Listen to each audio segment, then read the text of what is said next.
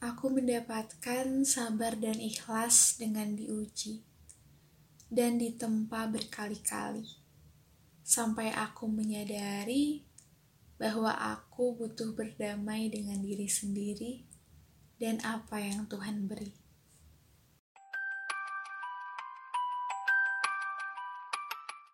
Halo Nektis, kali ini kamu sedang mendengarkan podcast Awam Jadi Paham Podcast ini adalah salah satu program dari psikonek.id yang bertujuan menyebarkan psikoedukasi, kesehatan mental, dan pengembangan diri.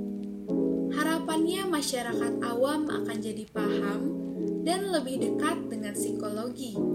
Tentunya podcast ini akan membahas topik yang sangat menarik dan dikemas dengan bahasa yang mudah dipahami. Jangan lupa buat follow psikonek.id agar Nektis tidak ketinggalan info selanjutnya. Podcast ini akan menemani hari-harimu.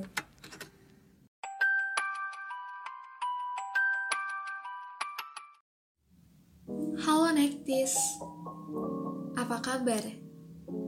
Walaupun mungkin sekarang ada yang perasaannya lagi anjur banget, lagi nggak baik-baik aja, Aku harap kamu bisa melewati dan menyelesaikan hal tersebut ya.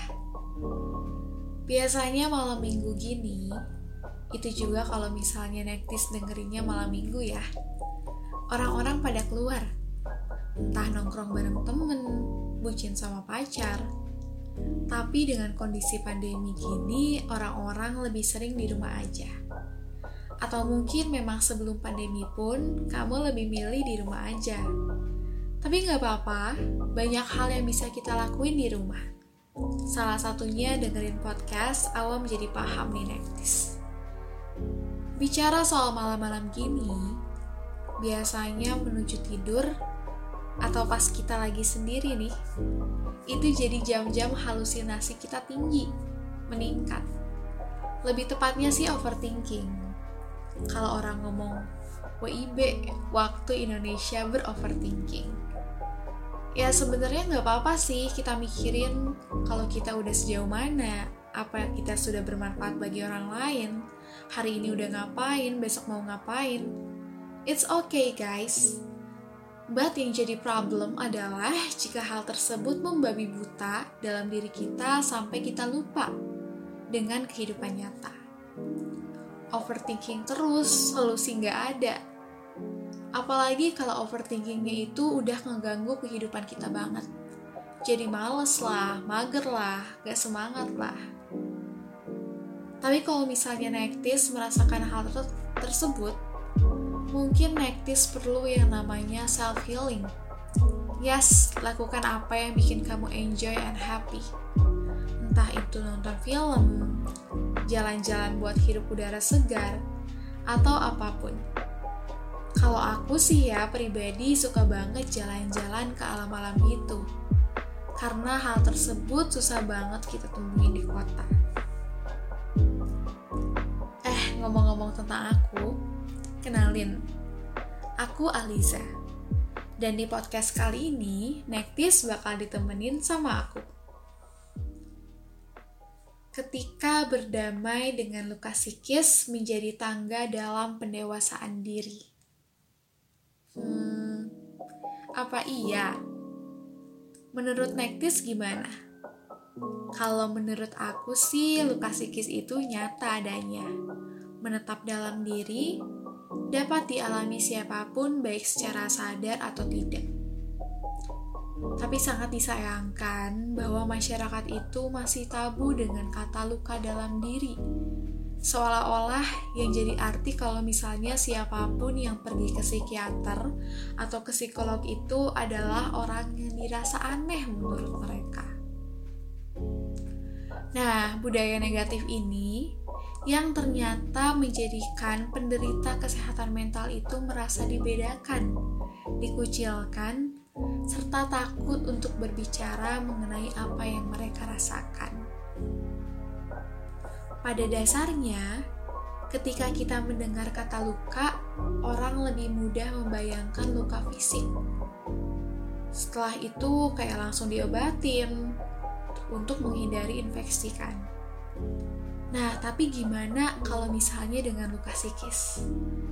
Kalau mendengar hal itu tuh seakan-akan kita mengingat sesuatu yang pahit, menyakitkan, trauma yang mendalam, dan kesedihan yang tak terlihat secara nyata. Seperti infeksi pada luka fisik, jika yang tidak segera ditangani bisa infeksi, banyak orang berpikir bahwa cara terbaik menyembuhkan luka psikis adalah dengan jam terbang dari waktu.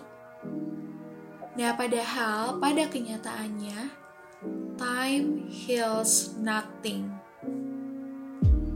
Luka psikis di diri kita atau mungkin orang yang pernah ngerasainnya itu nggak hilang, melainkan terus tertanam dalam diri dan akan menjadi bom atau akan meledak pada waktu yang kita tidak tahu kapan. Sama halnya dengan luka fisik, luka psikis itu perlu disadari, diidentifikasi, dilabeli, dan diobati. Nah, sedihnya, adanya luka psikis itu menjadikan seseorang kembali merasakan emosi menyakitkan yang sama seolah-olah emosi yang memegang kendali terhadap diri, bukan diri yang memegang kendali terhadap emosi. Nah, dan yang perlu kita ketahui bahwa hidup itu bukan bermakna tentang bagaimana agar tidak terluka, melainkan bagaimana caranya agar kita sembuh dari luka. Karena luka itu pasti ada, sekuat apa pun kita menghindarinya. Ada banyak orang yang mengalami masalah yang sama terus-menerus, meskipun seharusnya masalah tersebut itu dapat diselesaikan dari pembelajaran hasil menyakitkan masalah sebelumnya atau pengalaman-pengalaman sebelumnya. Nah, ternyata ada salah satu tokoh psikologi, Sigmund Freud, yang membahas mengenai hal ini. Beliau mengatakan bahwa hal ini itu sebagai traumatic reenactment yaitu ketika bagian bawah sadar otak kita itu memutar kembali urusan yang belum terselesaikan atau mungkin yang sering teman-teman dengar itu adalah unfinished business. Nah, hal ini pula yang menjadikan seseorang mengulang masalah yang sama berulang-ulang. Karena sebenarnya luka tersebut itu belum terselesaikan, tetapi tersimpan rapi di alam bawah sadar. Nah, maka dari itu, luka psikis itu harus segera ditangani agar tidak membusuk dalam diri dan menjadi masalah yang lebih besar nantinya. Nah, ternyata ada beberapa hal yang menjadi tanda bahwa luka psikis itu masih tersimpan dalam diri kita. Hal yang pertama ialah ketika reaksi tubuh yang tidak biasa terhadap peristiwa tertentu. Reaksi tubuhnya seperti keringat dingin, jantung berdegup sangat kencang atau kencang, bayangannya kabur, terus napasnya mengap-mengap. Jadi ketika kita melihat sesuatu atau mendengar sesuatu yang kita rasa itu sangat-sangat menyakitkan dan kita tiba-tiba merasakan reaksi-reaksi seperti ini, nah bisa jadi itu adalah luka psikis yang masih tersimpan dalam diri kita. Nah, tanda yang lain itu ketika kita terus-menerus mengalami masalah dengan tema yang sama, tetapi belum benar-benar terselesaikan. Jadi kayak kita harus terjebak dalam di situasi atau ketika kita terjebak dalam situasi dan situasi itu tuh menghambat kita untuk melangkah lebih maju. Nah, dalam menyembuhkan luka psikis sendiri itu biasanya disebut dengan self healing, yaitu proses penyembuhan yang hanya melibatkan diri sendiri untuk bangkit dari penderitaan yang pernah dialami dan memulihkan diri dari luka batin. Tujuannya adalah untuk memahami diri sendiri, menerima imperfeksi yang dimiliki serta menjadikannya hal positif untuk terus bergerak maju. Self healing itu bisa membuat seseorang merasa bahwa ia berhak untuk dicintai dan mencintai. karena biasanya hal-hal tersebut yang hilang dari orang yang merasakan luka psikis. Nah, dan perlu kita ketahui teman-teman, kalau misalnya proses self healing itu berjalan seumur hidup dan tidak kenal waktu pasti. Dalam proses penyembuhan luka batin ini juga ada beberapa sikap dasar penting yang harus dilakukan.